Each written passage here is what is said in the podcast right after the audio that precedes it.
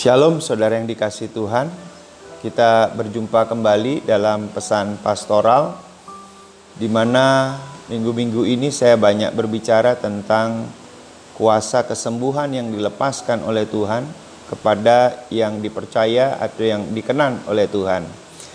Nah, hari ini saya akan membahas tentang langkah-langkah praktis untuk memperoleh kesembuhan ilahi. Tuhan ingin menyembuhkan kita pada saat ini yang sakit. Masalahnya adalah apakah kita sudah siap untuk disembuhkan? Sebab ada bagian Allah dan ada bagian kita. Itu kita harus sadar. Nah, saya ingin mengajak setiap kita memahami langkah praktis untuk memperoleh kesembuhan ilahi. Apa pun jenis penyakit yang Tuhan izinkan terjadi dalam hidup kita. Nah, ada lima langkah praktis untuk memperoleh kesembuhan ilahi. Langkah yang pertama, mulai dengan hati yang bersih.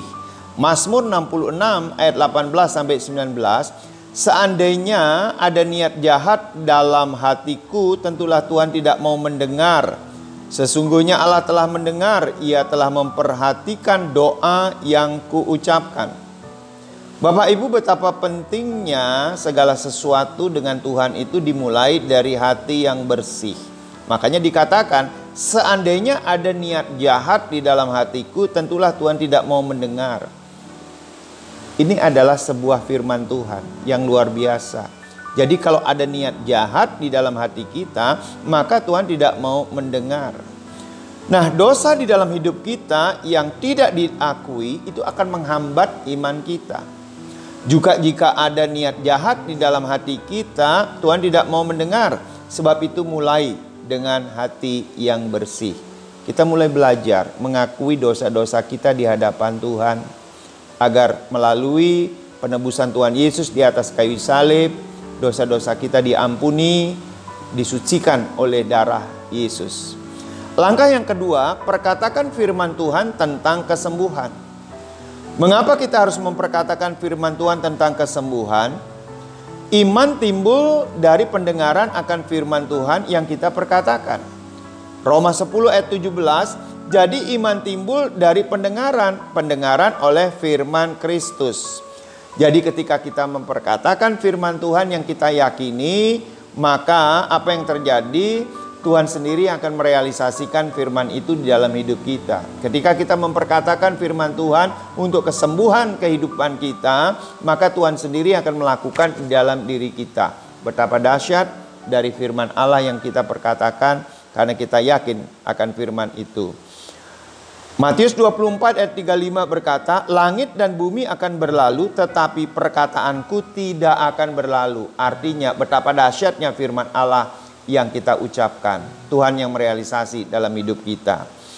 Nah, langkah yang ketiga adalah bersikap tegas. Bapak Ibu, apa yang dimaksudkan dengan bersikap tegas? Bersikap tegas yang dimaksudkan seperti Yakobus pasal 1 ayat 6 sampai dengan 8. Hendaklah ia memintanya dalam iman dan sama sekali jangan bimbang sebab orang yang bimbang sama dengan gelombang laut yang diombang-ambingkan kian kemari oleh angin. Orang yang demikian janganlah mengira bahwa ia akan menerima sesuatu dari Tuhan sebab orang yang mendua hati tidak akan tenang dalam hidupnya. Bersikaplah tegas yang dimaksudkan adalah meminta dalam iman. Sama sekali jangan bimbang tidak goyah sedikit pun. Kadangkala banyak orang mempunyai anggapan pada waktu dia berdoa, pikirannya sudah mulai mengurung dirinya, yaitu apa? Kalau disembuhkan puji Tuhan, kalau tidak disembuhkan haleluya. Sebenarnya pikiran yang seperti itu adalah pikiran yang bimbang. Tuhan tidak mau pikiran kita bimbang. Tuhan tidak mau iman kita itu bimbang. Tuhan mau iman kita tegas. Kalau kita berdoa, kita yakin Tuhan menyembuhkan, biarlah kehendak Tuhan kesembuhan itu terjadi. Sekali lagi saya mau katakan, kalau Tuhan berkenan, maka jenis penyakit apa pun juga Tuhan sanggup untuk menyembuhkan. Langkah yang keempat, bagaimana kesembuhan ilahi itu terjadi? Tekun menantikan janji-janji Allah. Markus pasal 11 ayat 23, Aku berkata kepadamu sesungguhnya barang siapa berkata kepada gunung ini beranjaklah dan tercampaklah ke dalam laut asal tidak bimbang hatinya tetapi percaya bahwa apa yang dikatakannya itu akan terjadi maka hal itu akan terjadi baginya. Bapak Ibu yang dikasih oleh Tuhan, Tuhan itu punya waktu tersendiri. Kita tidak bisa paksa Tuhan untuk menyembuhkan bagi yang sakit hari ini nggak bisa dipaksa. Saat ini nggak bisa dipaksa. Waktu Tuhan itu tersendiri. Bagian kita adalah tekun memperkatakan firman Tuhan, juga tekun menantikan janji-janji Tuhan itu terwujud di dalam diri kita. Tapi yang kelima langkahnya adalah menerima kesembuhan itu dari Allah. Yosua pasal 7 ayat yang ke-10 Lalu berfirmanlah Tuhan kepada Yosua Bangunlah mengapa engkau sujud demikian Firman Tuhan ini menggambarkan bahwa doa itu sudah cukup. Kenapa doanya cukup? Karena Tuhan sudah menjawab. Ketika Tuhan sudah menjawab Tuhan katakan sudah cukup. Mengapa engkau sujud demikian Saudara yang dikasih Tuhan, ketika Tuhan itu sudah menjawab doa kita berupa kesembuhan ilahi, maka bagian kita selanjutnya bukan terus berdoa untuk kita disembuhkan karena sudah Tuhan menyembuhkan, bagian kita adalah mengucap syukur kepada Dia karena Tuhan sudah menyembuhkan kita. Nah, Bapak Ibu saya ingin bersaksi, kejadiannya kira-kira 8 tahun yang lalu saya mengalami sakit saraf terjepit di tulang belakang.